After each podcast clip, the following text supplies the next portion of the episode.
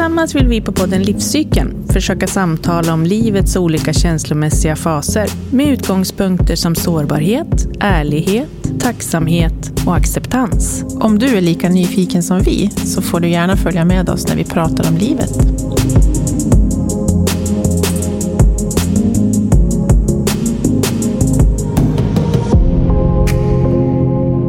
Hej Katarina! Hej Linda! Hej! Och hej Carola! Hej! Hej! Hej! Härligt att du är med oss idag. Ja, roligt att få komma hit. Ja. Carola, du är ju socionom, psykoterapeut och jobbar mycket med ACT som Ja. terapiform. Och Ja. dagens ämne kommer ju att vara våld i nära relationer, eh, som du är fördjupad inom och jobbar väldigt aktivt med just nu. Ja. Eh, men vi tänkte att vi skulle börja med att du får berätta lite grann om dig själv och eh, hur det kommer sig att du jobbar med det du gör just idag. ja. Carola heter jag och är alldeles nyligt fyllda 46.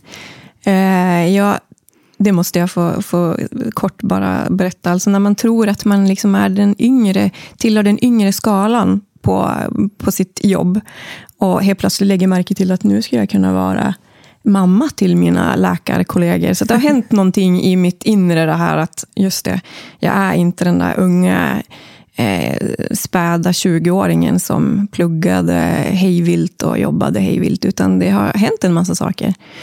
Men eh, jag började plugga direkt efter gymnasiet. Och sen dess har jag alltså pluggat och jobbat parallellt i princip tills jag varit färdigläggad psykoterapeut 2016. Eh, jag började faktiskt på eh, lärarprogrammet som jag har jättestor nytta av idag. Jag pluggade det i två år. Och var liksom lite sådär, jag måste få testa hur det är att vara lärare på riktigt. Så att jag gick ut, gjorde en, en paus i mina studier och så jobbade jag som mentor. Och på den resan då så vart jag ju rätt så mycket kurator. Så att jag gjorde därefter ett, ett liksom spårbyte och började plugga till socionom. Och på den vägen är det. Då har jag ju mm, jobbat inom vården, framförallt inom primärvård. Och jag har fått förmånen att alltid jobba med, men med kollegor och med chefer. Och jag har jobbat framförallt på, på privata vårdcentraler. Där jag har haft otroligt fina ägare och chefer som har verkligen liksom promotat det här med arbetet med psykisk hälsa och psykisk ohälsa. Som har sett, ja, men sett eh, oss som paramedicinare som en viktig insats. Och någonting som, som liksom ska finnas med i en vårdpalett. Inte någonting som man kanske...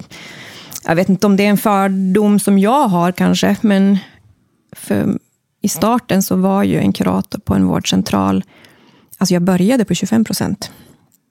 Den insatsen tänkte man var liksom i den omfattningen. Och nu, nu sitter ju, de allra flesta vårdcentraler har ju ett team av psykologer, psykoterapeuter och kuratorer. Så det har ju liksom förändrats i vården hur man ser på, på psykisk hälsa och insatser. Att medicinsk behandling tillsammans med, med psykoterapi och allt annat som, som vi som jobbar med samtalet kan, kan vara behjälpliga med när vi träffar våra människor. Vad är det som driver dig i den här äh, omvårdande äh, mentorskapet? Liksom, för det är ju ändå ett mentorskap. Ja, ja, och jag tänker att det är nog det som, alltså det som blev så bra när jag klev in på lärarutbildningen. Att den kombon, alltså att vara i en... Jag ser mig nog lite mer som en utbildare. Att jag, jag blir en, en utbildare till de människor som jag möter för att de eh, ja, ska, ska börja och, och hitta sin väg framåt och hjälpa sig själv. Så verktygslådan, den, den skapar jag tillsammans med de människor som jag möter.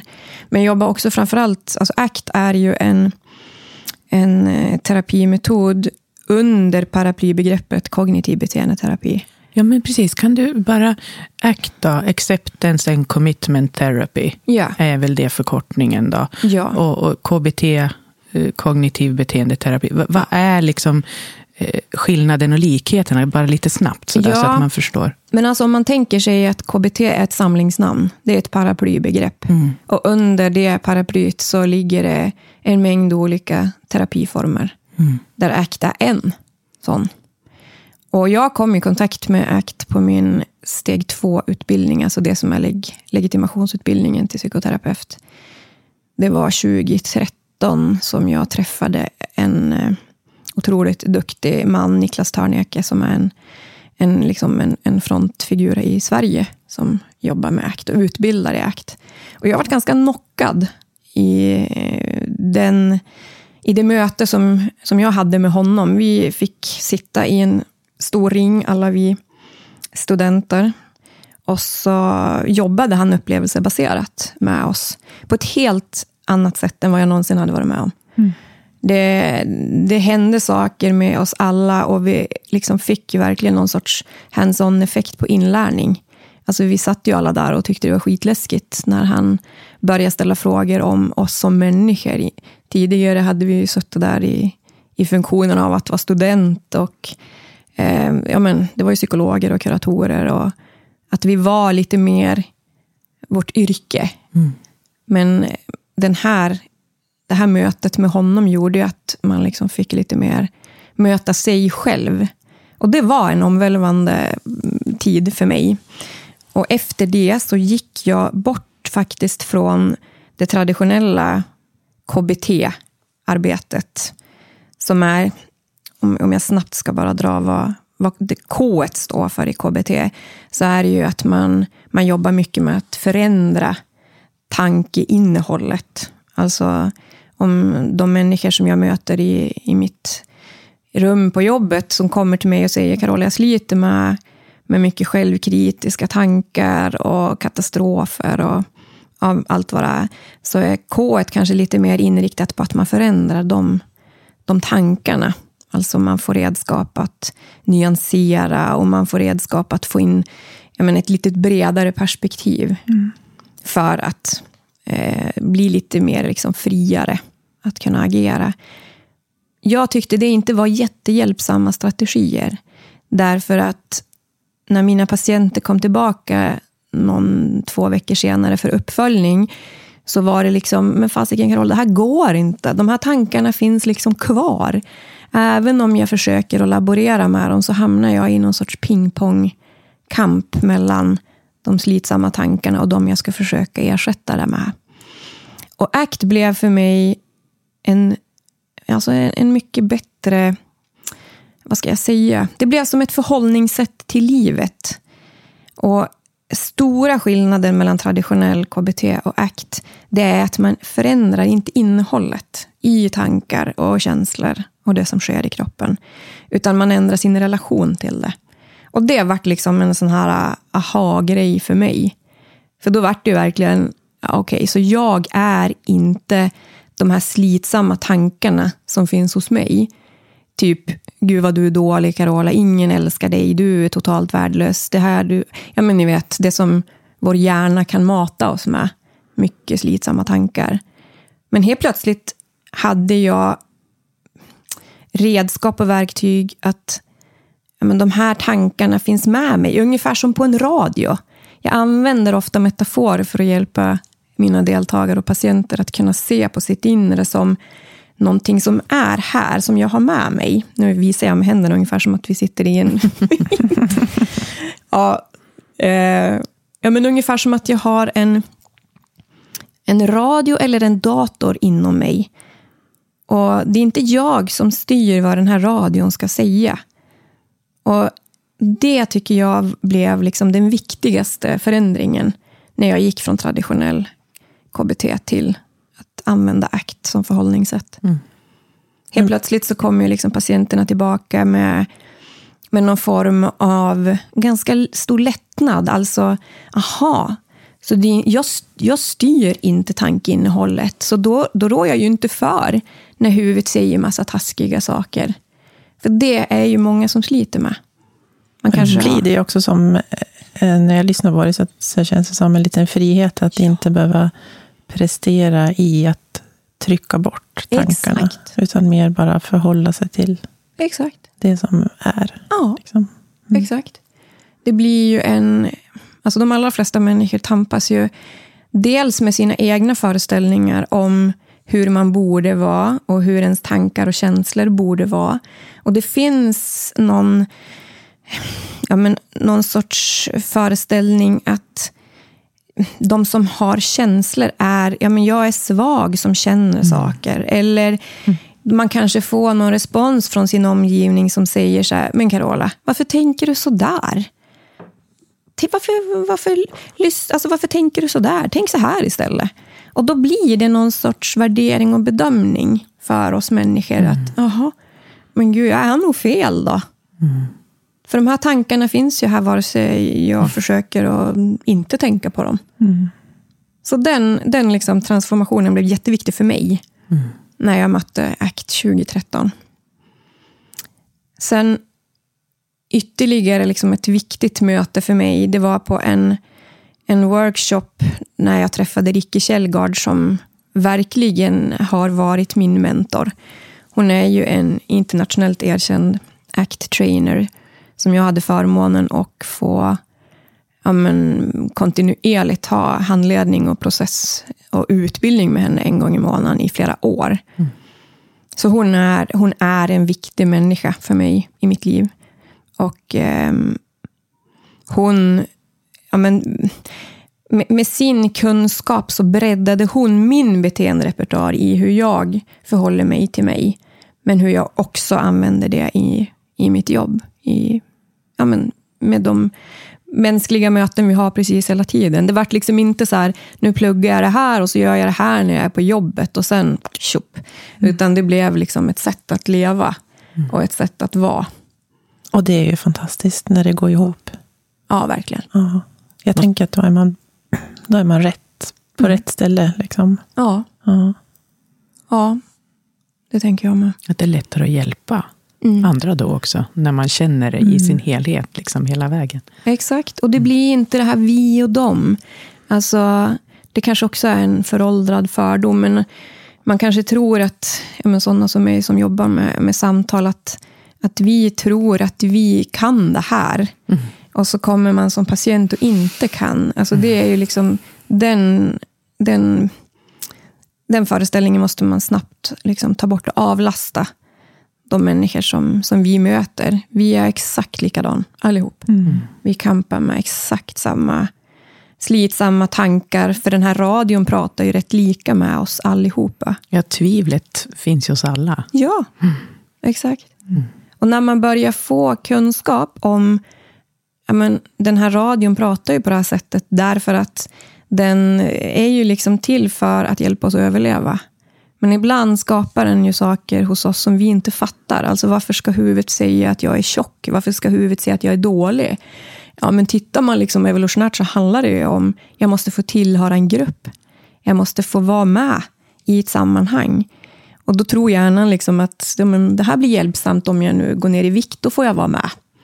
Alltså vi behöver lära oss att inte tro på allt vad den här radion säger. Och det, jag tycker att kunskap hjälper mina deltagare att få saker och ting lite distans. För då kan man ju faktiskt göra saker som man vill, som är meningsfullt och gott för en, fastän huvudet säger åt en, fastän radion säger Nej, gå inte på den där poddinspelningen Carola, det är svinläskigt. Jo då, jag går ändå med radion under armen. Men kan man då säga att det är acceptans man jobbar med mest? Ja, och, ja absolut. Eh, jag tänker att det är liksom flera ben man jobbar med parallellt. Dels så handlar det ju för mig mycket om när jag, när jag kliver in i liksom en, en utbildningsinsats, så handlar det om att, att skapa möjlighet till att uppleva saker. Alltså när, när deltagarna kommer in i rummet, säg första träffen, så står vi ju där allihop skitnervös. Och om jag börjar att berätta vad jag känner när jag står där inför alla tio deltagare, kanske vi är. Och så säger jag att ja, jag står här nu och har jättesvårt och jag känner hur andningen blir ytlig och hur jag liksom kallsvettas i händerna och hur min inre tankeapparat eller hjärnan, radion, börjar säga men varför har du grupp? Varför kan du inte liksom sitta och jobba med patienter i ditt rum? Varför ska du alltid hålla på så här? Byt karriär. Alltså huvudet pratar ju konstant. Mm. Fly, fly, fly herregud, lovar nu att inte göra det här något mer. Och när jag bjussar på vad mitt huvud säger till mig, och så börjar de andra kunna liksom säga, för, för här kliver jag in och säger, det här är, vi ansvarar inte, mm. utan vi bara bjussar nu till varann, vad huvudet säger. Då kommer en efter en efter en kunna säga, ja, jag tänkte inte komma hit först. Och det var jätteläskigt och jag var skiträdd och tänkte, vad ska det här bli? Och helt plötsligt så står ju vi där och gör saker som är förhoppningsvis meningsfullt och viktigt för en själv. Tillsammans med vad det än må vara. Det kan ju vara känslor av ja, men jag kanske är jätterädd och jag får ångestpåslag. Och, men jag kanske också upplever glädje och nyfikenhet och tacksamhet. Och så kan vi bara vara med det. Mm. Och det är ju svinhäftigt. Mm. För det händer ju någonting med oss alla när, när vi upplever någonting här och nu som jag sen kan ta med mig. Då kommer jag ju förhoppningsvis kunna ta med mig det ut i livet. Att den här terapin blir någonting som är ja, men hjälpsamt för mig i livet. Jag kan göra saker som ibland är förenat med, ja, men med obehag och jobbiga känslor. Mm. Men jag kan också lära mig att se vad känslorna uttrycker för behov. Att det är, liksom, ja, men det är ju våran kompass. Men ibland kan ju den här känslokompassen lura iväg oss lite. Mm. Ja, verkligen. Ja. det kan ja. vi skriva under på. Eller hur? Ja. Men om vi skulle nu då, det, jag tänker det superviktiga liksom, arbetet som du gör i dagsläget då, och just i, med den här gruppterapin och våld i nära relationer. Hur, Eh, kommer det sig att du liksom hamnade just in på den liksom banan från ja. första början? Hur, hur hamnade du där? Ja, alltså om vi tänker att ACT kom in i mitt liv där vid 2013 och så har jag ju fortsatt att jobba både inom vårdcentral med traditionell, liksom, alltså möta våra patienter som vi har i vårt primärvårdsuppdrag. Det är ju alla åldrar, det är alla former av psykisk ohälsa som är inom lätt till medelsvår nivå, kallar man. Um, jag var iväg också på familjerådgivning en period och jobbade och så var jag iväg en avstickare på företagshälsa. Men de här tre områdena så börjar jag liksom sakta men säkert liksom utkristalliseras någonting. Och det var att de patienter som är återkommande, som kommer till oss på olika ställen och kanske återkommer till vårdcentralerna på och liksom, ja, men det går någon, något halvår, men sen är de tillbaka. Och så går det ett halvår och så kommer man tillbaka med, ja, men med diffus fysisk smärta och med, med blandad mix av ångest, nedstämdhet, utmattning. Och där vi liksom inte riktigt får till det. Vi mm. får mm. inte till det. Då börjar jag själv och eh, liksom spetskompetensutbilda mig i form av det här med trauma. Så jag gick en traumautbildning som heter Prolonged Exposure.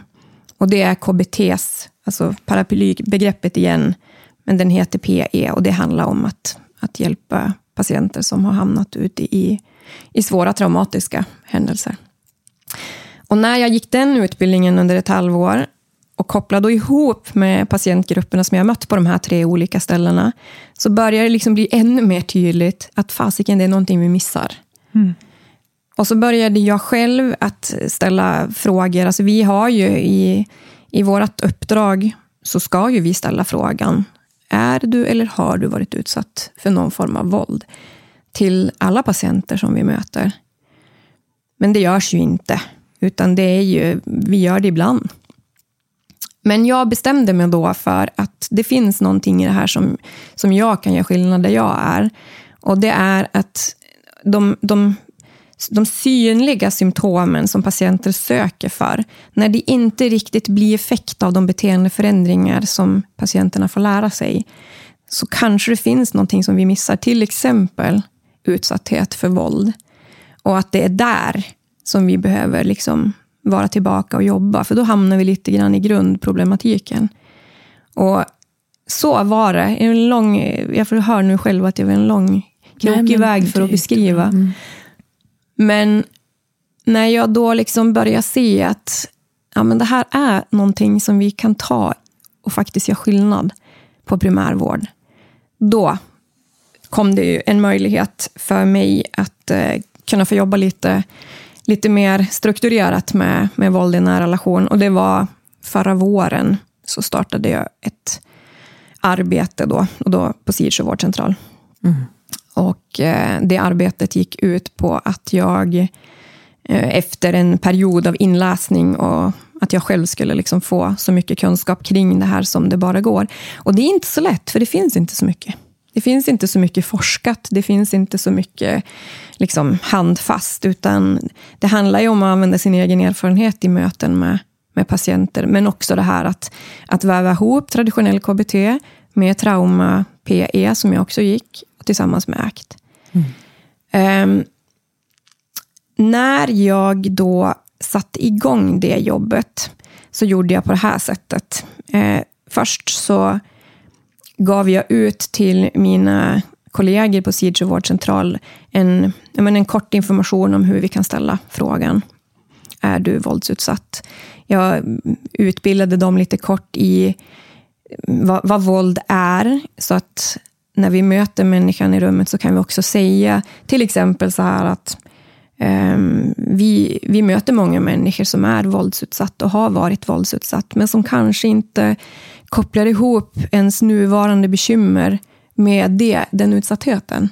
Och när vi börjar snacka så, alltså vi, vi tar liksom lite bort, vi avdramatiserar det.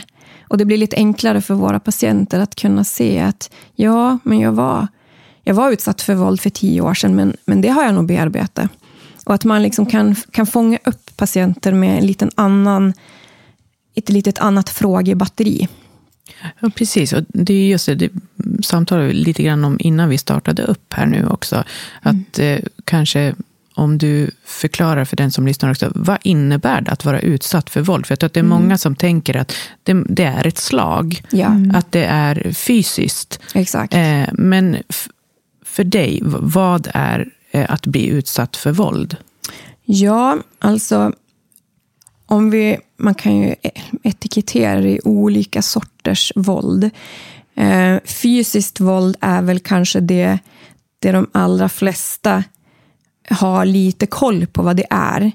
Eh, men när, när jag sitter med mina patienter och vi snackar om vad är fysiskt våld, så säger de allra flesta att det är ett knytnävsslag. Mm. Men man tar inte in det som också är fysiskt våld, alltså bli puttad, bli dragen i håret, bli... Eh, jag menar, alltså saker och ting som någon annan människa gör mot dig som du inte vill. Som det handlar om att, att skapa kontroll, som handlar om att utöva makt. Så det fysiska, alltså våldsbegreppet fysiskt våld är ju otroligt brett. Så att när man, liksom, när man börjar prata om men hur är det här för dig när någon puttar dig, vad händer med dig då? Det är ju ett begränsande och det gör ju illa en. Det är fysiskt våld.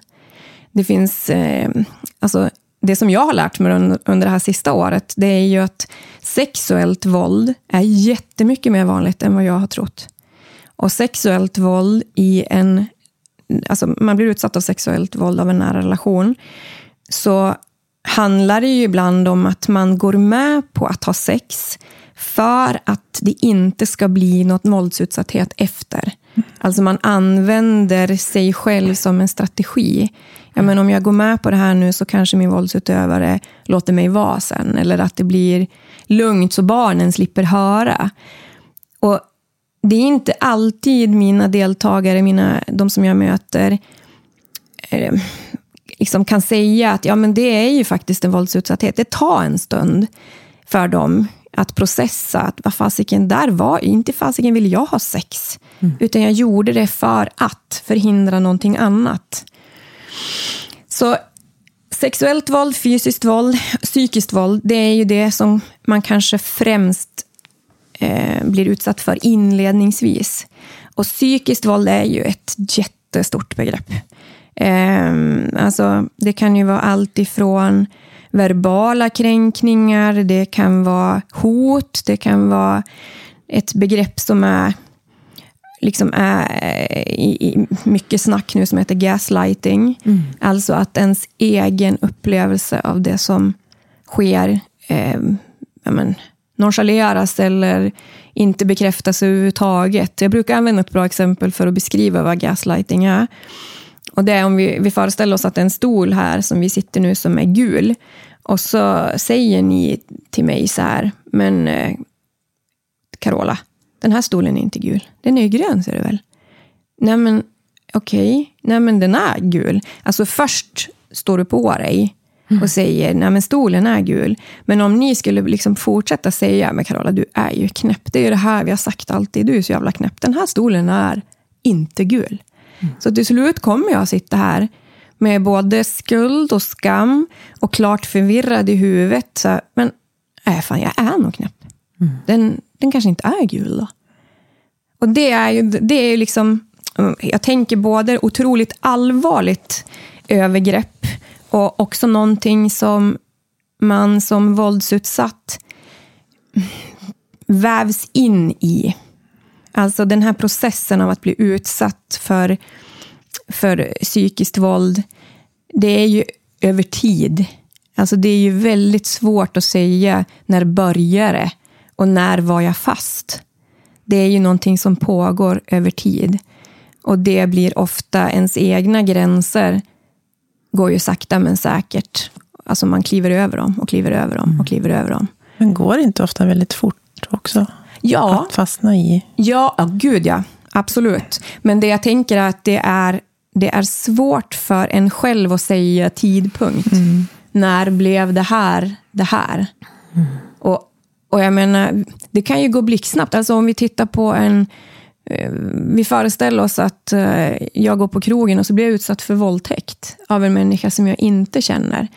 Utan det är den utsattheten och sen försvinner den personen. Då kommer jag ju sitta där och fundera vad jag hade gjort för fel. Hade mm. jag kläder på mig? Gjorde jag, var jag för full? Har jag, vad har jag för ansvar i det här? Så en egen, liksom, det går blixtsnabbt. Mm. Men det här psykiska våldet blir ju någonting, det kliver liksom in under skinnet. Och att man tappar rätten, eller man tappar kopplingen till sitt eget inre. Vad är jag? Vem är jag? Vad är det jag känner? Vad är det jag behöver? Ja, för det kan väl börja ganska liksom subtilt ändå, att det är nästan att man kanske är med på det själv. Ja. Att man skojar lite grann och ja, du mm. är ju si eller du Exakt. är ju så. Att eh, den här personen som då eventuellt vill försöka komma in och kontrollera en, spelar på ens egna strängar, om man säger. Och Exakt. sen så kryper det längre och längre in för att den här personen ska till slut ha övertalat en att du är den här personen. Exakt. Eh, och då formar man sig efter den och då har ju den personen sen makt eller kontroll eller vad man nu ska... Exakt. Och ofta, alltså, ofta så är ju den våldsutsatta med väldigt stor dos av empati och omsorg om människor. Mm. Alltså en våldsutsatt har ju ofta en väldigt liksom förlåtande, alltså nu generaliserar jag, ni får ta det för vad det är. Ehm, men en våldsutsatt har en liksom stor dos av förlåtande till mm. sin partner. Att man förklarar partnerns våld med, ja men hen är trött eller hen är sliten eller jag borde göra på ett annat sätt.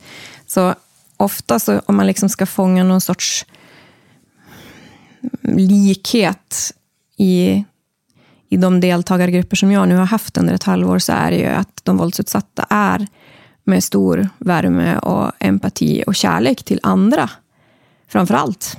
Mm. Och den eh, våldsförövaren, den som utsätter andra för våld, kanske ganska snabbt eh, lägger märke till det här och att det blir att, att utnyttja den, den sårbarheten som det också blir då, mm. för den som utsätts.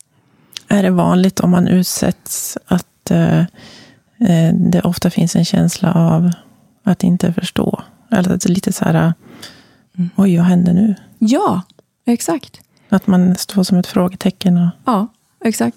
Och en situation, alltså om man ska referera liksom till någon situation med sin våldsutövare, eh, så vet man inte riktigt. Man kan inte återberätta vad det var som hände. Därför att det, det är det här som blir liksom hjärntvätten. Vi, vi stod där och helt plötsligt så står jag och, och säger förlåt. för alltså, mm. Det är precis så. Man skulle egentligen behöva liksom få filma för att få grepp. Men vad hände? Därför att den här, den här liksom hjärntvätten, att man tappar, man tappar tilltron till sina egna um, alltså till sin egen uppfattning. Mm. Är jag rädd nu? Är jag, kan jag lita på den känslan? Den ruckas ju på. Mm. Men är det vanligast, eller hur ska man säga, är det, hur vanligt är det att en etikett av våld liksom stannar där? Eller är det vanligare att det, att det psykiska våldet övergår till fysiskt våld eller till sexuellt våld? Eller? Ja, och där får, jag, får ni ta mina, mitt snack också med en nypa salt utifrån att det är den patientgrupp som jag har erfarenhet av det här mm. halvåret, året. Men så är det ju. Eh, alltså psykiskt våld övergår ju väldigt snabbt till det fysiska och till sexuellt våld. Men sen finns det massor med annat, alltså materiellt våld, att man ger sig på sakerna. Att man slår in knytnäven i väggen precis bredvid den våldsutsatta. Ehm, att man förstör saker och ting som den våldsutsatta ser som viktiga ägodelar. Typ att men, hen tar kaffemuggen som den våldsutsatta älskar mest och slänger i backen. Eller ger sig på djuren, husdjuren. Mm. Sen finns det ju en, en stor utsatthet i ett ekonomiskt våld. Mm. Och socialt våld, alltså att man blir man blir eh, kränkt i eh, sociala medier, alltså att man blir utsatt för, för saker där som du inte vet, men som du kanske får till dig att det skrivs och läggs ut bilder. Och... Sen finns det ju våldsformen där du är tvungen att till exempel vara med på sexuella aktiviteter som du absolut inte vill. Alltså foton och um, försäljning och vara med på sexuella aktiviteter som, uh, som går liksom fullständigt emot vad du tycker om. Du kanske, blir, uh, du kanske ska ha sex med någon, någon annan som mm. den förövaren bestämmer. Så det, det, är liksom, det är ett sånt jättestort mm. område, det här. Mm. Och det finns ju ett viktigt begrepp som heter eftervåld, som, som jag tänker att en stor majoritet av mina deltagare har beskrivit att de också sitter med rätt så många år efter och kampar med, alltså efter att relationen till slut har tagit slut. Och hur handskas man med det? Ja, här har vi ett jättestort jobb att göra i samhället som stort. Alltså här behöver enheterna Eh, som, som finns runt människan. Alltså då pratar jag om vården och polisen och socialtjänsten med kommunen. Alltså att här behöver det finnas ett, ett stort liksom, omtag för att hjälpa en våldsutsatt med eftervåld. För eftervåld är men det kan till exempel vara så att du till slut kommer ifrån den som utsatt dig för våld, men ni har varit gift, så att det är en bodelningsprocess som pågår i år efter år. Därför att eh, hen som har våldsutsatt dig eh, gör inga ambitioner för att inkomma med uppgifter som en bodelningsförrättare kräver. Alltså att man förhalar, man håller undan, man gör vad som helst för att den här processen, liksom, alltså du ska behålla makten mm. över din, din eh, våldsutsatta. Och hanterandet i det, alltså det vi, det vi såg när vi, när vi satt med, med grupperna, det är ju att när du börjar att sätta ord på den, det eftervåld som du är utsatt för, och också få ta del av de andras erfarenheter som är otroligt lika. Då kan det ju bli lite lättare att få syn på att det här handlar inte om mig, utan det handlar om den här våldsprocessen. Och att man måste liksom hitta de aktörer som finns i samhället för att skapa sig ett skydd. Det handlar ju om att ja, men du kanske hamnar hos Kronofogden därför att din våldsutövare har tagit lån i ditt namn mm. eller skrivit eh, fejkade avtal. Alltså det är ju fasansfulla mm. saker som du kan bli utsatt för. Och en stor del av eftervåld handlar ju också om om du har barn tillsammans med din mm. våldsutövare. Att det blir en kamp mellan att... Eh, alltså, å ena sidan så har du kanske kravet från socialtjänsten att du ska samarbeta med barnens eh, eh pappa. I det här fallet, vi låtsas att det är pappan. Eh, du ska samarbeta så att barnen får ha umgänge och träffa sin pappa, för det har barnen rätt till, samtidigt som du själv kampar med att vara utsatt för fortsatt psykiskt våld och ekonomiskt våld, allt vad det nu ett eftervåld kan vara. Mm. Och här kanske vi har lite mycket att göra i samhället. Alltså nu händer det ju mycket saker mm. när man börjar att se eh, lite annan... Man, man tittar på barn utifrån lite andra perspektiv. Att det faktiskt inte är föräldrarnas rätt till umgänge med mm. barnen, utan vi måste börja kika på hur, hur blir det här för barnet? Alltså en, en våldsutövare, hur, hur, för, hur ser föräldraförmågan ut där? Mm. Så att, alltså det, är ju, det finns liksom inget enkelt svar på den frågan, hur man hanterar eftervåld, utan jag tror att det absolut viktigaste är att man antingen med vänner eller med andra familjemedlemmar, alltså att man försöker att sätta ord på det. Därför att du blir så himla ensam med det annars. Och ett eftervåld kan ju också bli liksom ett vidmakthållande därför att du själv sitter med så mycket skuld och skam. Och det kluriga med våldsutsatthet, det är ju, nu kan jag inte exakta siffror, men man brukar säga att man försöker att lämna upp till sju till tio gånger innan du liksom äntligen blir fri. Och den processen är ju väldigt slitsam. Mm. Och sen då när eftervåldet tar vid och pågår i x antal år därefter, så behöver man ju liksom hitta forum där man får fyllas på. Där man får bli bekräftad i vad man själv har varit med om och vad man känner här och nu. Mm. Alltså återta någon sorts rätt att få finnas. För den, den försvinner ju. Mm. Vad har man för rättighet som människa när du konstant blir utsatt för våld? Ja, men precis, för det hör man ju ofta den kommentaren, tycker jag, i samband med sådana här diskussioner och samtal liksom, i ens privat. Ja, men varför lämnar inte bara hon eller han personen? Ja. Hon eller han väljer ju att stanna kvar. Ja. Eh, då, då, får man ju liksom faktiskt lite grann ungefär skylla sig själv. Ja. Va, va, vad säger du till en sån kommentar? Ja, alltså jag får ju rysningar. Men mm. det, är också, det är också därför som jag mm, tog mig an att uh, jobba med det här väldigt intensivt under det här året.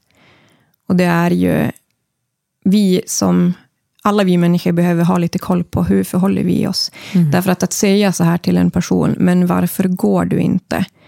Det i sig handlar ju jättemycket om att skuldbelägga och skambelägga. Och är du då en, en våldsutsatt människa som börjar kanske att berätta lite smått vad du har varit med om, så är det otroligt viktigt att det är en omgivning som är ja men, inlyssnande, validerande, alltså att du bekräftar, men jag ser och hör. Jag ser och hör dig. Och det låter för jäkligt. Mm. Och jag finns här. Därför att det finns ju också forskning som visar på att det är mycket svårare eh, att lämna en våldsam relation jämfört med att sluta med ett heroinmissbruk. Så att man kan, man kan faktiskt applicera ett, ett missbruksperspektiv på våldsutsatthet också. Mm. Alltså att man hamnar i eh, när man har tagit ett steg ifrån sin våldsutövare så hamnar man i abstinens. Därför att det är ju den här bindningen, man kallar den bindningen för trauma, traumabindning. Mm. Det är inte bara att gå, därför att det är så många trådar i den här traumabindningen som gör att jag blir kvar.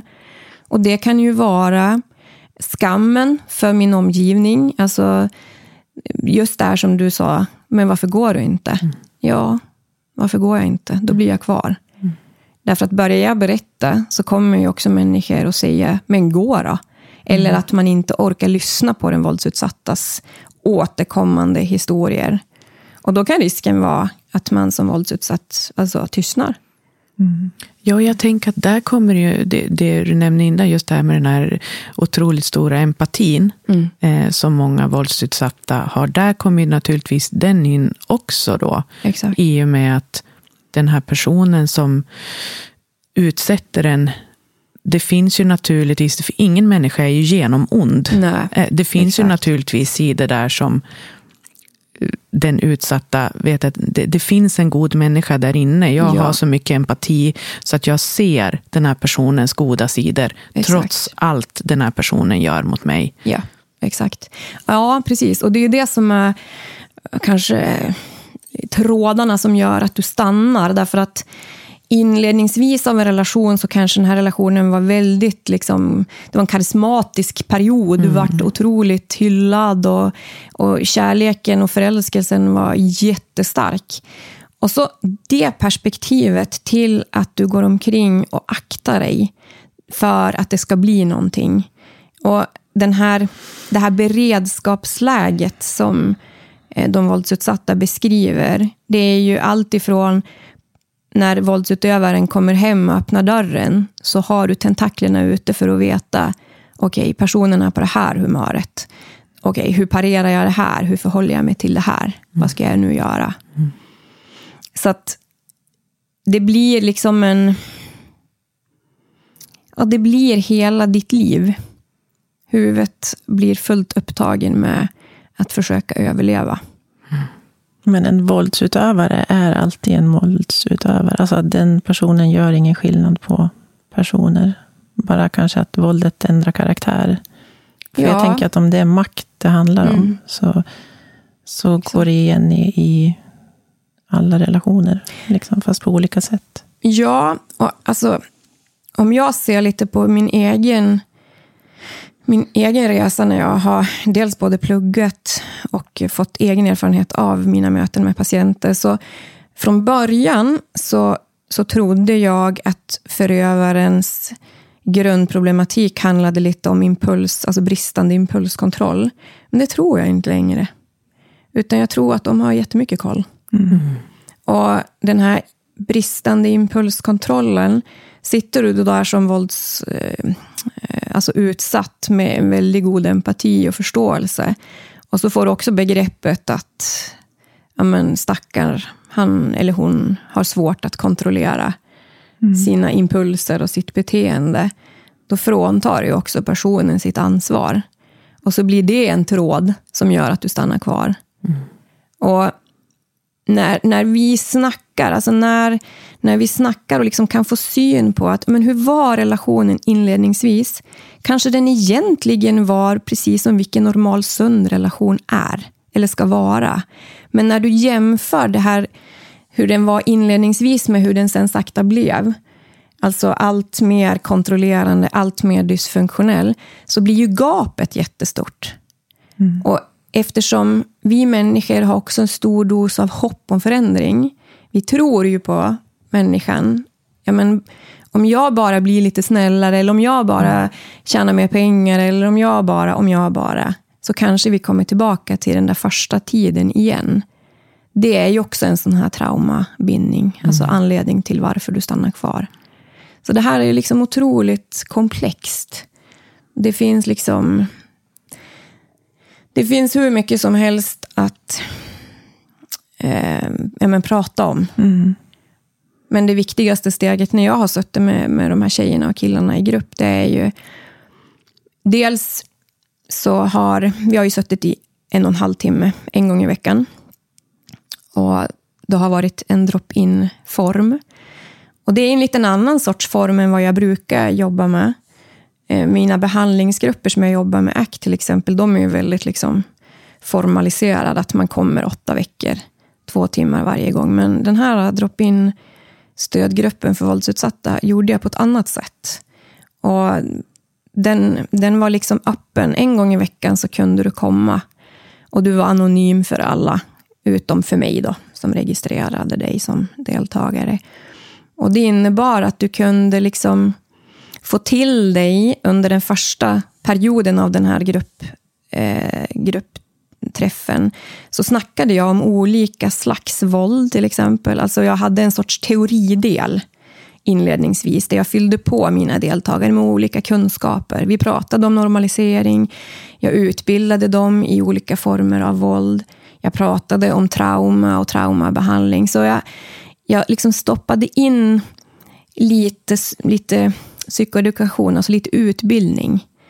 Och så den andra delen av den här stödgruppsträffen, det var en delningsrunda. Mm. Och då hade jag ett hjärta som, eh, som jag la på, ett, på bord mitt i den här eh, runda cirkeln som vi satt i. Och så fick den som kände sig manad och redo att sätta ord på det som känns just nu, ta det där hjärtat och så var ordet den personens under de minuter som den, den personen kände att den ville liksom dela saker.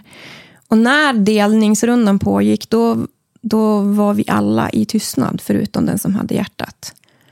Så att när du pratade om vad som kändes inom dig, så handlar ju det om att liksom återta, återta beteendet att få kontakt med vad är det jag känner.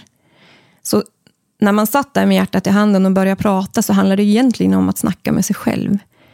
Alltså dela, det kanske handlar om att, att en deltagare berättade om minnesbilder som dök upp utifrån någonting som hade hänt för tio år sedan.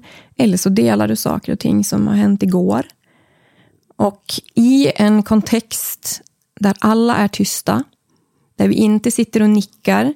För nu när, när vi sitter så, så, här, så sitter vi och nickar och mm. hummar. Och, Jaha. så gör ju vi människor. Ja, man vill visa att man är delaktig. Ja, ja, ja, exakt. Men jag gjorde en, liksom en, en viktig punkt i den här delningsrundan. Att vi inte skulle göra det.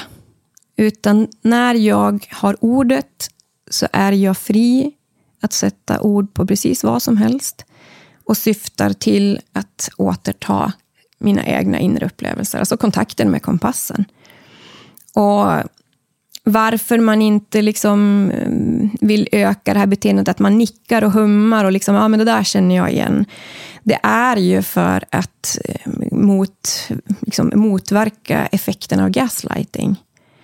Och inledningsvis var det slitigt. Alltså, vi satt nog alla liksom och försökte hålla i huvudet för att vi inte mm. skulle nicka. Och, men till slut så blev den effekten som jag hade hoppats att det skulle bli, att de började att snacka till sig själv.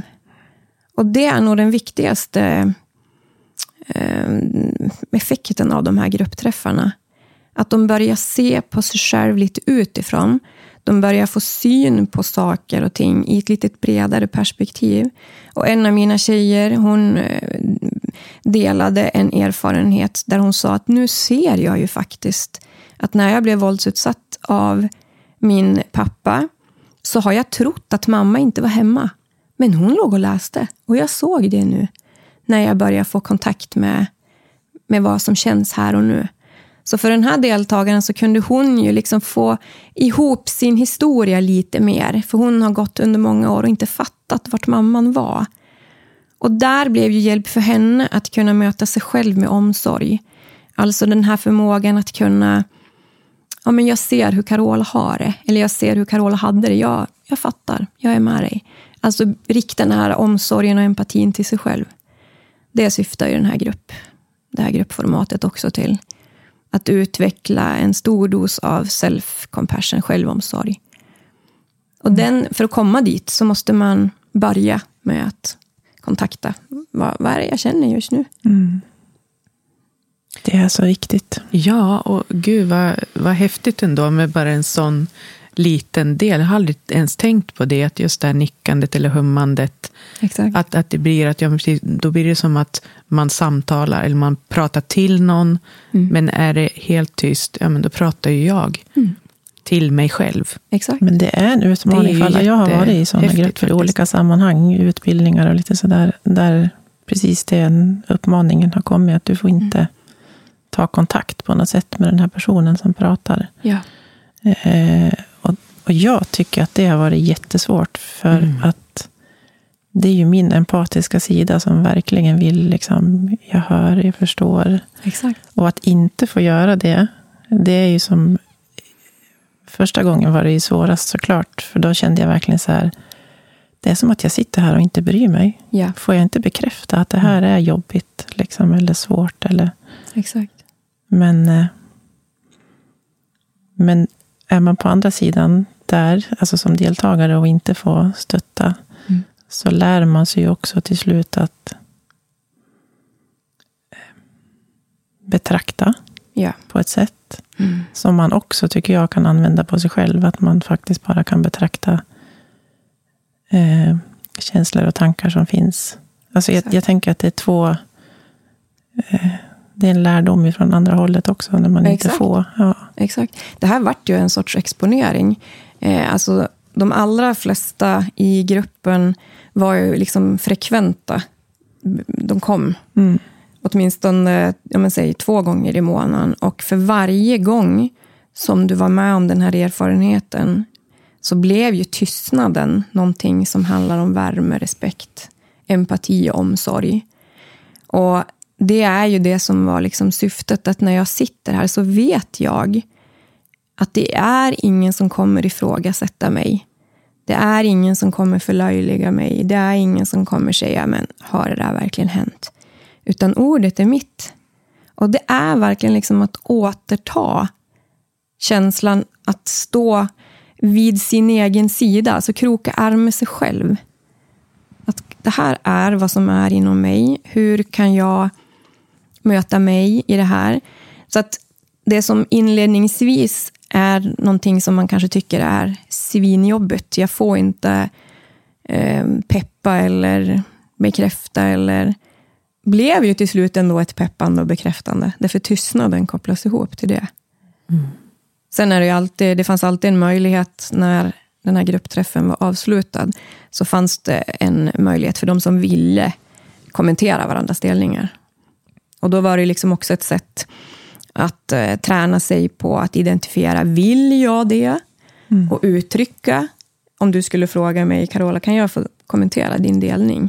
Så behöver jag ju liksom ta ansvar för det. Alltså sätta en gräns. Ja, det är okej, eller nej, det vill jag inte. Att känna efter Ja. i det. Mm. För gräns, eh, gräns liksom, att utveckla en gränssättning igen, det är ju också en jätteviktig del när man kommer ifrån en våldsutsatthet. För gränslöshet är ju en stor del i en våldsutsatthet.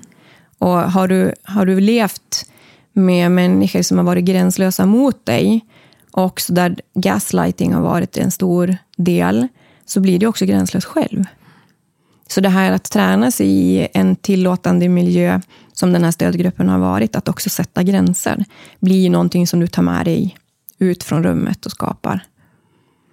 Så gränssättning, fokus på att närma sig sina känslor, det blir liksom exponeringen. Så det här blev en liten mix av eh, lite trauma, psykoedukation och utbildning, lite exponering, enligt både traditionell KBT men också ACT.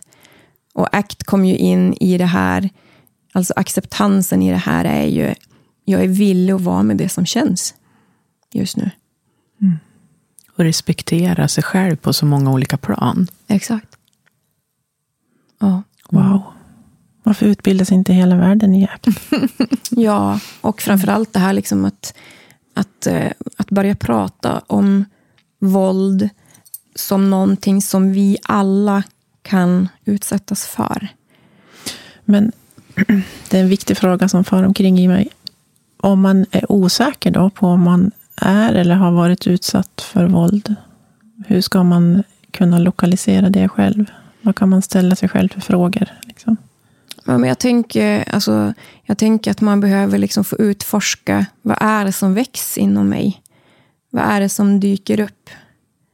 För någonstans här inne så har du säkert din kompass som kommunicerar till dig att Nej, men jag mådde inget bra av det där.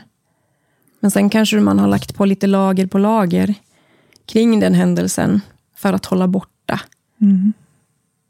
Men att möta, att möta de tankar och känslor som kommer upp när en sån minnesbild kanske kommer iväg för en. Att känslan blir så stark så att man eh, ändå misstänker att det här har inte varit rätt. Liksom. Exakt.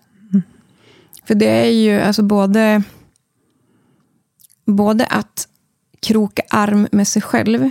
Alltså det är ju det här med att se, ja, men jag, jag blev illa behandlad då. Den händelsen gjorde illa mig. Acceptansen i det är ju liksom att ja, men, det jag känner nu, det, det måste få finnas. Därför att jag kan, ju, jag kan ju inte gå tillbaka i tiden och korrigera någonting, men jag kan ändra mitt förhållningssätt till minnesbilder och det som väcks. Mm. Och igen, liksom, där kommer ju akt in igen. att Det är så här det är just nu för mig. Vad, hur kan jag förhålla mig till det? Och hur vill jag vara mot mig? Där kan vi också väva in en av aktgrundpelarna. Alltså, vad är viktiga värden? Vad är, vad är sånt? Vad är, vad är viktigt i livet för mig? Hur vill jag möta mig själv och hur vill jag vara mot andra? Är det någonting som kan vara eh, bra och viktigt att börja med då? Om man känner sig liksom förvirrad i Exakt. att börja nysta i, Mm. liksom, har det här varit våld eller har det inte varit det? Eller, men, för jag tänker att det, som vi alltid kommer tillbaka till, Linda, den här självkärleken. Liksom, Mm. Att det alltid måste vara någonting eh, fint att börja med, eller som man alltid kan ta Exakt. till, Exakt. oavsett vad som har hänt. Ja, liksom. håller helt med.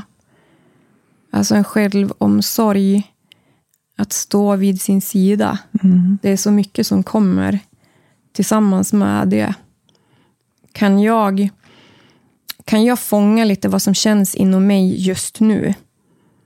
Och kan jag utgå ifrån hur vill jag vara mot andra, men hur vill jag också själv bli bemött? Så kommer ju självmedkänslan och självomsorgen att guida mig Mm. till hur jag förhåller mig till världen i det som sker just nu. Och från det blir det ju också lättare att sätta gränser, tänker jag. Ja. Framåt. Exakt. Mm. Och att se, det är ju liksom, alltså att jobba med människor på det här sättet, att jobba med saker som är väldigt svårt för människor. Och för en själv så handlar det om att vara ett ställföreträdande hopp. Alltså jag är ditt ställföreträdande hopp till förändring tills du själv är där. Därför att alla som, som har varit med om våldsutsatthet på något sätt i sitt liv är ju liksom lite sargad och lite naggad i kanten. Det här med tilltron till världen, till samhället, till människan. Det här med att våga liksom tro på andra, men framför allt att våga tro på sig själv.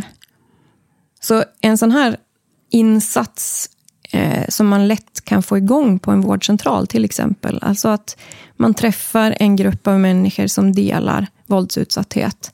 Så är det ju en väldigt liten insats som ger väldigt mycket effekt. Mm. Så, så har jag tagit med mig av det här årets erfarenhet.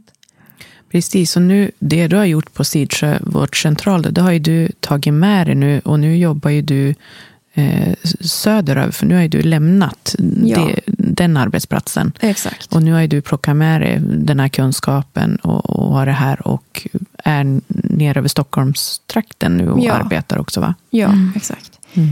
Nu ska jag starta upp lite stödgrupper och lite aktgrupper i Norrtälje och Stockholmområdet. Men fortsätter det här arbetet på Vårdsjö, eller Sid, Sidsjö vårdcentral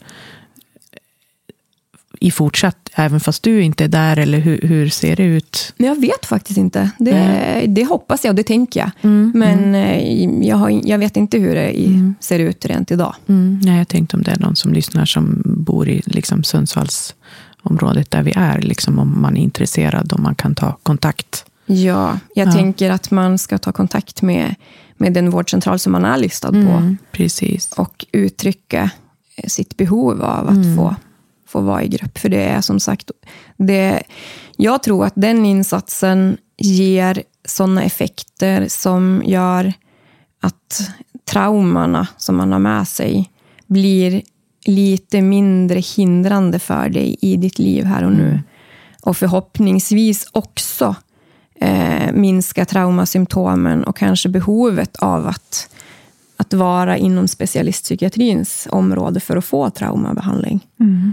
Jag tror att, att man som jobbar som jag, alltså jobbar med, med samtal, ibland behöver gå lite utanför boxen för att se hur kan man skapa förändring med, med, med en mix av saker. För jag skulle nog aldrig ha gjort det här för 10-15 år sedan när jag var ny. Utan då var jag nog ännu mer liksom fokuserad på att göra rätt Alltså mm, att göra traditionell behandling utifrån konstens alla regler. Här har jag ju mixat saker och ting. Jag har ju mixat interventioner, jag har mixat eh, acceptans och eh, eh exponering och stödjande samtal, motiverande samtal. För att se vad blev bra och vad mm. behöver vi göra på annat sätt. Mm. Och någonting som vi också pratade lite grann om innan vi startade upp här, det är ju just att våld i nära relationer eh, och mäns våld mot kvinnor framför allt, då, som är ju naturligtvis procentuellt eh, större eh, i vårt samhälle. Men det är ju också väldigt många män som mm. blir utsatta i sina relationer ja. utav kvinnor eller om man lever i en man-man-relation. Eller vad det nu än är. Um, men om vi då skulle, tänker jag nu då, säga att uh, man lever i en, i en heterosexuell uh, relation och som man uh, blir utsatt av våld utav en, en, en kvinna. Mm det tänker jag att det mörkertalet måste ju vara väldigt, väldigt stort. Ja. Eh, för i, i den värld vi lever i, då mannen då i en heterosexuell relation då ska vara den här mannen. Mm. Eh, och att jag kan ju ha otroligt mycket sympati där eh, för den heterosexuella mannen ja. också. För att hur man pratar ju inte, eh, nu pratar vi ju mer naturligtvis mm. än vad vi har gjort innan, att män och känslor och vad Exakt. man får uttrycka och män i grupp, att prata om känslor och sådär. Mm. Eh, men hur stort mörkertal tror du, liksom, hur, hur utbrett är det i en heterosexuell relation eh, att män är utsatt för våld av, av en kvinna? Jag tror att det är, alltså det är skitsvåra frågor mm. att svara på såklart, men jag tror att det är precis lika vanligt Mm. Att tjejer blir utsatta för våld som att killar blir utsatta för våld. Mm. Det är bara lite olika sorters våld det handlar om. Mm. Men eh, här är det ju också, det är, precis som du säger, det här alltså att som kille växa upp i ett samhälle där känslor är kopplat till ja, men, styrka och svaghet. Här kommer ju ACT in, tycker jag, som ett väldigt hjälpsamt förhållningssätt. Mm. Alltså, alla vi människor har alla sorters känslor. Vi har exakt likadan uppsättning. Mm. Och Det är inte att du är en svag människa eller en stark människa om du har någon känsla, utan alla har det. Och killarna som jag har träffat, eh, som har varit utsatt för både, ja, framför allt en stor dos av eftervåld, men också fysiskt våld, psykiskt våld. Eh, framförallt det här med gaslighting är ju jätte, jättevanligt som man att bli utsatt för. Och det kluriga för män, det är ju om du till exempel går och gör en polisanmälan, så kanske du får, det är erfarenheter som jag har fått tagit del av, då kanske du får en, en följdfråga av den polis som tar emot din anmälan. Mäh, men vad gjorde du då? Som mm, följd. Så ska, skam och skuld tror jag är två stora delar för mäns utsatthet som gör att, att de faktiskt inte snackar om det här. Ja, att då i det fallet också då nästan inte blir trodd. Ja, eh, exakt. Nej. Och att då kanske inte som man kliver in till din, till din doktor och berättar att eh, jag blir nedtryckt eller jag blir puttad mm. eller spottad på eller jag får inte träffa mina barn. Ja, vad det nu mm. kan vara. Så att jag, jag tror att det är precis lika utbrett. Mm. Utsatthet för män som för kvinnor. Det tror jag. Och i alla åldrar också. Där tror jag också vi behöver liksom lyfta blicken lite och se att det är lika vanligt bland äldre, alltså nu pratar vi 75 plus, som det är för våra unga tonåringar, tjejer och killar. Mm. I den här gruppen som du har haft nu, är, mm. har det varit blandade åldrar? Mm. Eller? Ja. Mm. Men jag har haft eh, jag har ju haft ACT-grupper som inte har varit liksom kopplad... Alltså ACT använder jag ju till alla former av psykisk ohälsa. Inte, det är liksom inte renodlad våldsutsatthet, utan det kan du, vara, du kan vara med i en ACT-grupp eh, utifrån att du söker vård med, med, utifrån ångest, nedstämdhet, utmattning, smärtproblematik, vad det nu kan vara. Men den, den grupp som är med våldsutsatthet är ju ofta, alltså att du söker inte oss på vården för just det, Nej. utan det tar en stund innan man kopplar ihop det. Så att jag har ju haft deltagare i ACT som sen har dykt upp på mina våldsgrupper. Mm. Vilket är ju, det är ju jättebra.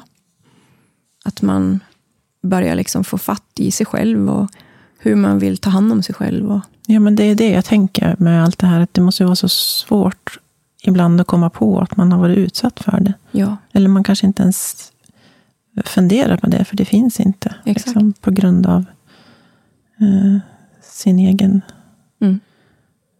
eh, empatiska sida. Liksom. Att man Exakt. förklarar det på andra sätt. Mm. Och det är, därför det, är så, det är därför det är så himla viktigt att snacka om det här. Därför att om du får frågan om du har varit utsatt för våld, om du får den frågan lite nu och då, därför att det är en rutinfråga vi har inom vården. Mm. Vi ställer den inte en gång, utan vi ställer den varje gång du kommer på ett besök. Därför att det är vad vi gör. Mm. Så kanske det skapas någon form av inre process vid första eller andra eller tredje frågan. Fast man svarar nej. Ja. Mm. Och så kanske vid den fjärde gången. Eller om du har din psykolog eller sjukgymnast eller vad det nu kan vara. Så kanske du till slut säger jo, men så är det. Mm.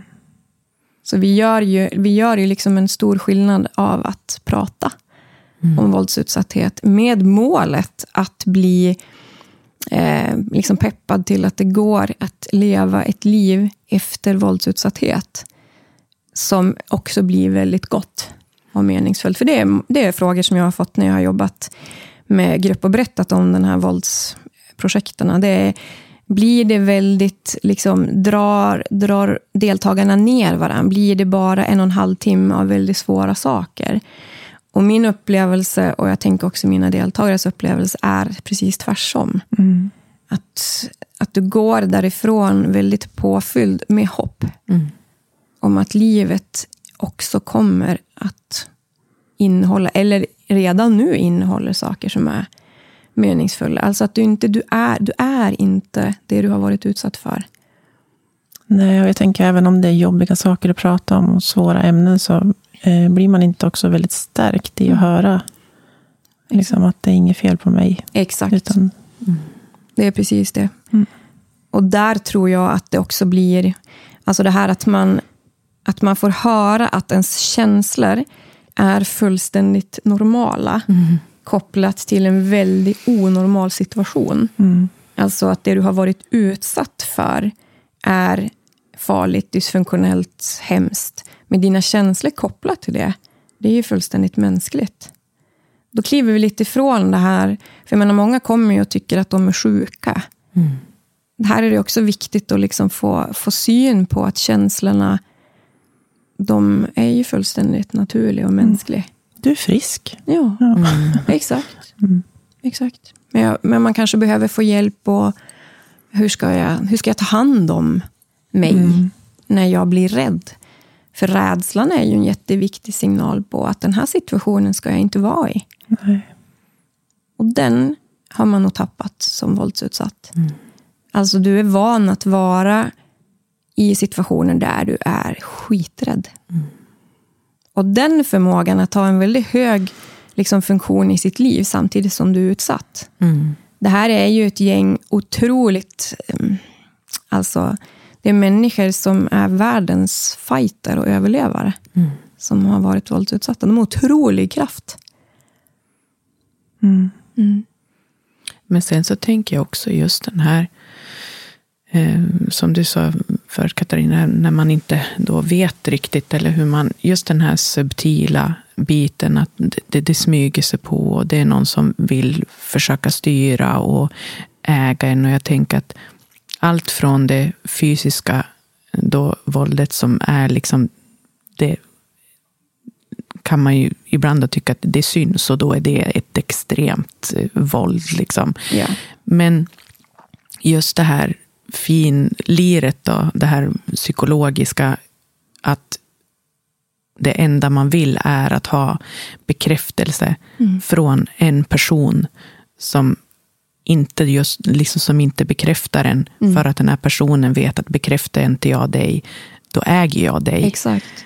Den är ju, liksom, den blir ju på något sätt också så otäck, Mm. tänker jag. Liksom alla former av, av eh, liksom, misshandel är ju otäck i sig, beroende på hur. Men just det där att, att på djupet liksom mentalt äga en människa Ja. på det sättet.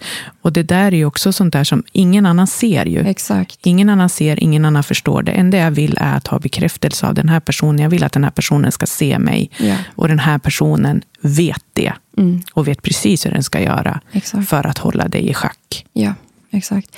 Och jag, alltså jag har ju under de här åren som jag har jobbat och träffat alla fina människor så har jag också fått tagit del av hur, hur deras eh, omgivning har bemött dem när de till slut börjar berätta om sin våldsutsatthet.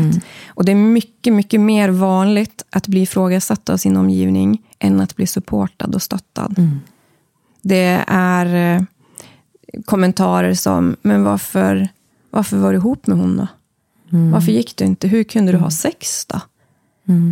Alltså det, det finns en, förmodligen en stor dos av okunskap, men vi människor behöver ju också liksom bemöta varandra med lite mer värme Mm. och omtanke. Därför det blir också en, en gaslightande Mm. utsatthet. Att först så blir du utsatt och sen berättar du om det och då blir du inte trodd Mm. och inte bli bekräftad. Mm. Och ja, jag, jag tänker att det här är otroligt svåra saker som en våldsutsatt är med om. Alltså där det faktiskt, du kan ju likställa det med att, att vara i brinnande krig. Alltså det är ju en terror som är 24-7. Mm. Men du har liksom ingen skyddsrum att, att söka skydd i. Utan den som också ska ge dig värme och kärlek är den som är den som gör illa dig. Ja, det blir ju som härskarteknik Ja. på steroider, lite Ja. grann på något vis. Exakt. Mm. Ja, det är, det är tufft. Men som sagt, väldigt också stor dos av hoppfullhet. Och att det finns vägar att gå för att det här ska ligga lite mer i sin ryggsäck av erfarenheter. Ja. Mm. Och inte, inte, lika, inte vara lika hindrad av det i sitt här och nu. Utan det får vara med en, liksom, de här känslorna och tankarna och minnesbilderna.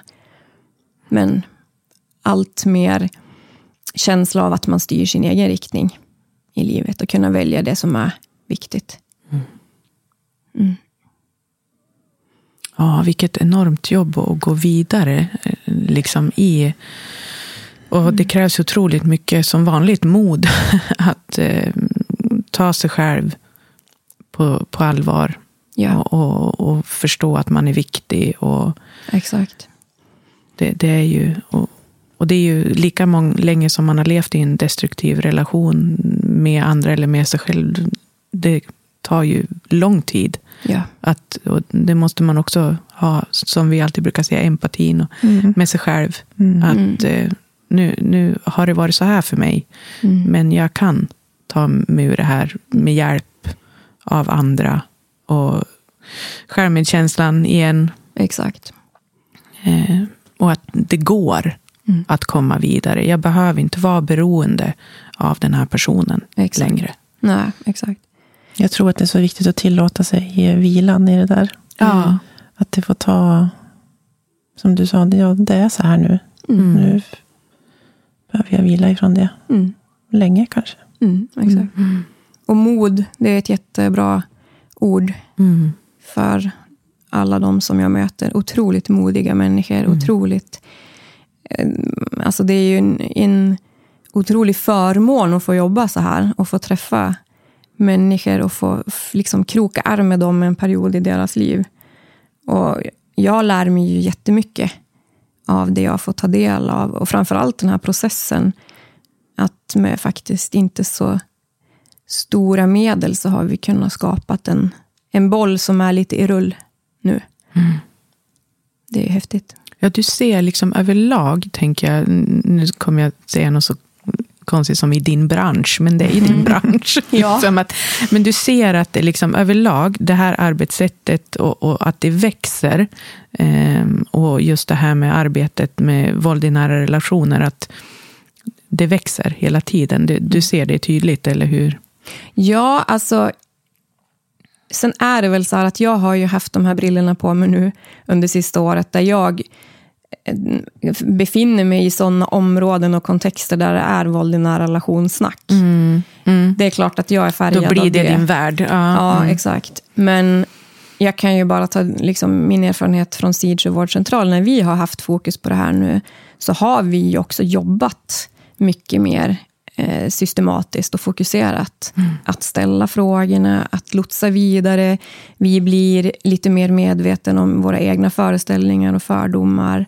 Och jag tror att om, om vi har såna liksom perioder där vi är jättefokuserade och sen får det liksom införlivas i mitt vanliga liv och arbete. Och så är jag fokuserad på någonting annat. Och så kommer det här tillbaka sen. Alltså att man, man måste få tillåta sig att ha fokuset på olika saker. För det här är ju... Vissa saker kommer att sätta sig i ryggraden på många av oss som har jobbat med det här under det här året. Och vissa saker kanske fejdar iväg. Och så får vi tillbaka det nästa period som vi fylls på. Och det tänker jag också man behöver ha en stor dos av självomsorg till sig själv. Mm. Det kanske är så här att ibland så har jag inte ställt frågan om våld. Och det får vara så. Mm. Alltså vi, vi som jobbar med människor, och alla vi människor behöver ju liksom kroka arm med oss själv framför allt. Mm. Hur kan jag vara bra mot mig? Mm. Ja, precis. Hur kan jag vara bra mot mig? Alltid. Han måste vi starta där först. Mm. Ja, Vad kan jag göra varje dag? Mm. En liten sak kanske. Mm. exakt. Om det känns stort i början. Och ändra lite mindset och ändra, eh, som du, den här tankarna, radion. Vi har, må, vi har fått många namn på, på det här inom oss. Men hur, hur vi, och igen, tro inte på allt du tänker. Det Exakt. kan ha blivit placerat där av någon annan. Exakt. Det behöver inte alls vara någon sanning i det överhuvudtaget. Väldigt Nej. sällan Mm. är en sanning. Precis. Tro inte på det du tänker. Exakt. Och rikta fokus på, på, på det du vill ha i Mm. ditt liv. Alltså där finns det också, det blir ju en otrolig... Men här tror jag att hoppet kommer in. Alltså, jag kan ju välja hur jag vill vara Mm. mot mig och mot andra hela tiden. Och när det, alltså det är ju som att det blir lager på lager när du är våldsutsatt. Alltså, du får massor med saker som du tappar dig själv. Men bara genom att börja sätta ord på vad du känner här och nu, så börjar de här lagren att skalas av. Mm. En efter en efter en. Och där tror jag att jag har lärt mig jättemycket det här året. Att tillit till förändringens process genom att bara, nu är situationstecken, bara att sätta ord på det som känns just nu. Mm. Det är ju ganska häftigt. För då blir det som det ska. Till slut. Exakt. Skrattar Linda åt mig för jag är så... Ibland hamnar jag i mitt flummiga mode. Nej, men det är ju... Då det där griper tag i mig och det bara, är ju så. allt blir som det ska. Ja, Ja, om vi följer Mm. eh, den andra rösten. Inte radions, utan... Mm. exakt. Mm. Kompassen. Mm. Och ibland kommer vi ta steg där vi lägger märke till att kompassen inte följs. Men då kommer jag bli medveten om det lite snabbare. Precis. Så kan jag styra mig tillbaka på det. Ja. Jag brukar ofta använda mig av frågan, alltså när jag är osäker eller när jag känner att någonting skaver, så bara stanna upp och så, så här, hur, alltså hur känns det här Exakt. egentligen? Ja, liksom, om jag är ärlig. Då kan man ju bara få ett ärligt svar tillbaka. Jag Exakt. tänker att den kompassen, det är kanske är den du pratar om. Ja. Mm. Men den eh, ljuger ju inte. Nej. Liksom. Nej, och när vi, när vi snackar i gruppen om det här med vad kommunicerade kompassen inledningsvis, så har de allra flesta ganska mycket koll på när flaggorna började visa sig, eller när skavigheten kom, så tittar vi lite bort Mm. från det. Mm. Men den erfarenheten som, som en våldsutsatthet liksom tar med sig, det är ju att man kanske inte tittar bort framöver, utan försöker att möta och känna. Mm. För känns det skavigt så är det skavigt. Alltså, man behöver liksom ja, lita. precis. Lita på den. Ja, Mm. exakt. Viktigt. Ja. Men det krävs ju jättemycket mod att Mm. i framtiden Ja. Ha de där gränserna som man egentligen vet att man vill ha. Mm. Mm. Exakt. Men när du krokar arm med dig själv, alltså att göra någonting som är jäkligt svårt, men som är i linje med det som är viktigt för mig. Och jag kan ändå liksom, jag kan se att jag står bredvid mig själv Mm. Mm. och bara, ja, det här, så här blir det nu Carola. Så är det. Och det kan vara skitläskigt och jätteskrämmande och blå och darrar. Men det är så kompassen säger och jag gör det. Mm. Och när vi tar villovägar så får vi liksom dra tillbaka oss. Ja, precis. Och det kan jag dela bara lite grann utav nu, känner jag, när vi precis pratade om det, just det där med varningsflaggor och just det där med att välja. Ja. Ehm, Så det var inte så jättelänge sedan nu som jag valde faktiskt att se de där röda flaggorna ganska tidigt. Jag, var, jag såg dem. För så, min empatiska sida Ja. valde först att nej, men det här, jag ser så mycket gott här. Jag ser så otroligt mycket gott här. Eh, jag försökte liksom väja lite grann för det där röda flaggen som slog mig rakt i ansiktet Exakt. flera gånger. Mm. Eh, men sen någonstans väldigt fort eh, så insåg jag att Linda, vad gör du nu? Nu är du på väg att, att gå in på det här spåret där du har varit förut, där du inte vill vara Ja. en gång till. Exakt. Eh, och då var jag också väldigt tydlig och verbalt sa till och med det till den personen. Mm. Att vet du vad, eh, det här kommer inte bli bra. Jag väljer mig. Mm. Jag var ju med dig lite på den vägen. Ja, precis. Och då direkt så här, hur, hur, hur märkte du det på dig? Eh, nej men jag märkte ju att, att jag på en gång började jag att plocka bort mig själv ur den här ekvationen som skulle vara Mm. två personer. Ja. på direkten, så som jag har gjort i andra relationer, både i liksom kärleksrelationer och i eh, relationer till andra i min närhet. Mm.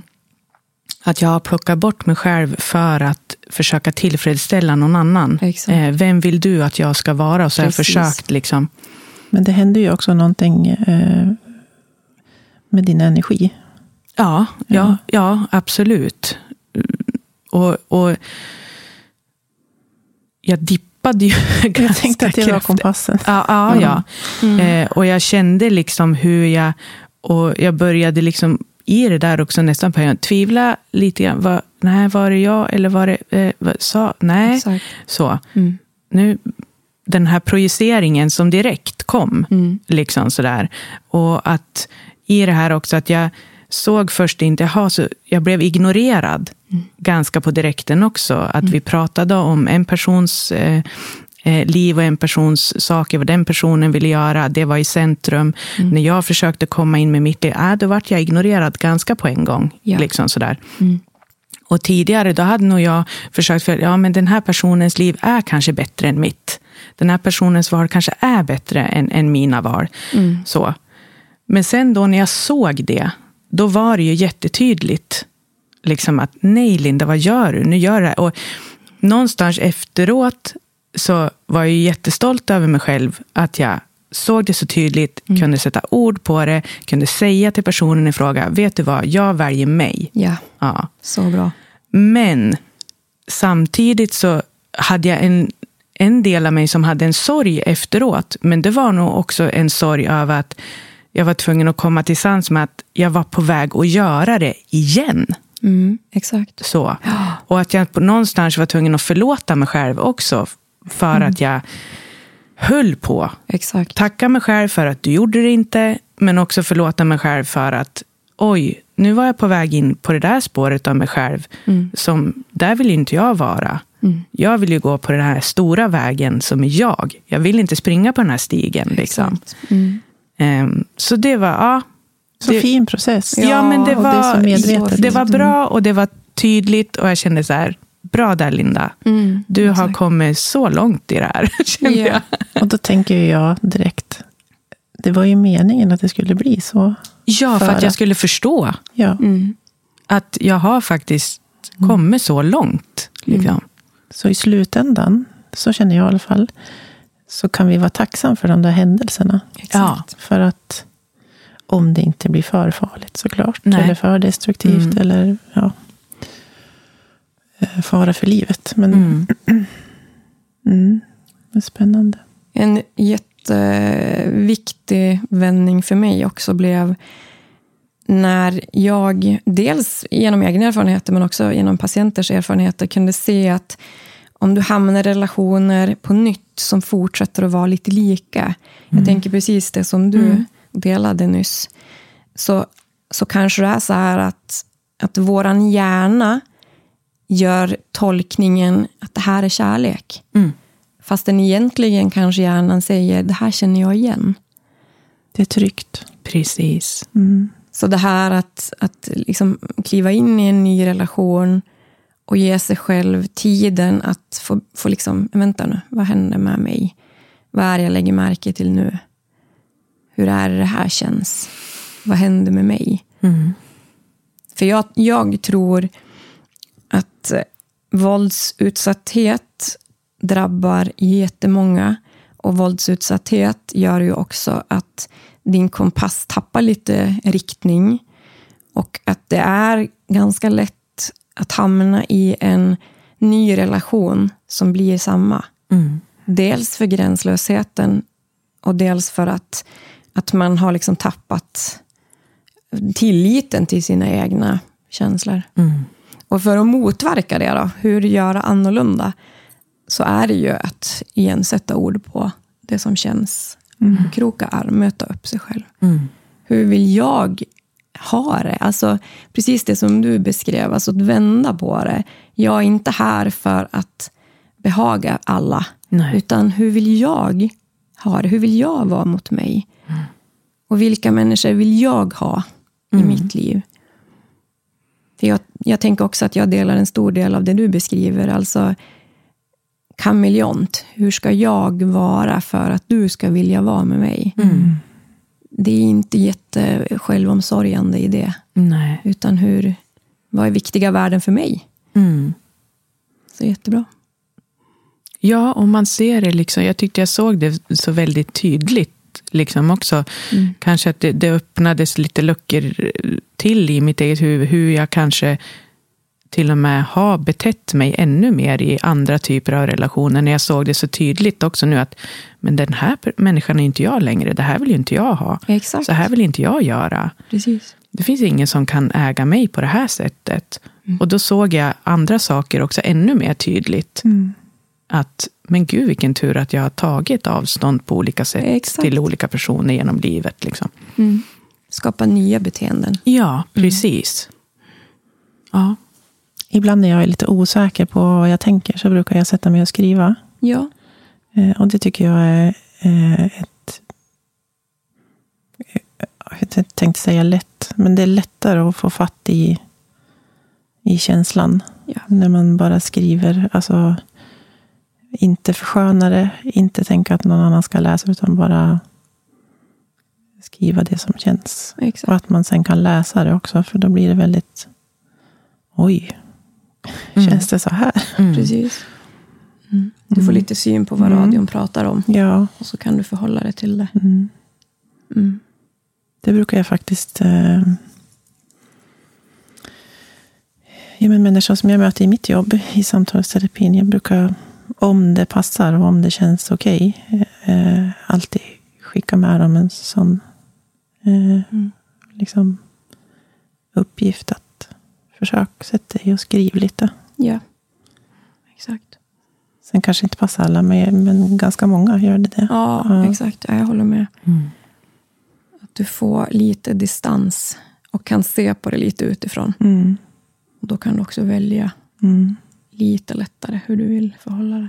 Också att man lite längre fram i processen, eh, när man känner sig mer fri, kan gå tillbaka och säga att det faktiskt har hänt saker. Exakt. För det, det är också väldigt lätt att glömma det när man är i en jobbig process. Man tycker att man står och stampar och kommer ingenstans. Precis. Men kan man gå tillbaks två månader i den här boken och se att det faktiskt händer, Mm. liksom, så blir man ju stärkt i det också. Exakt. Mm.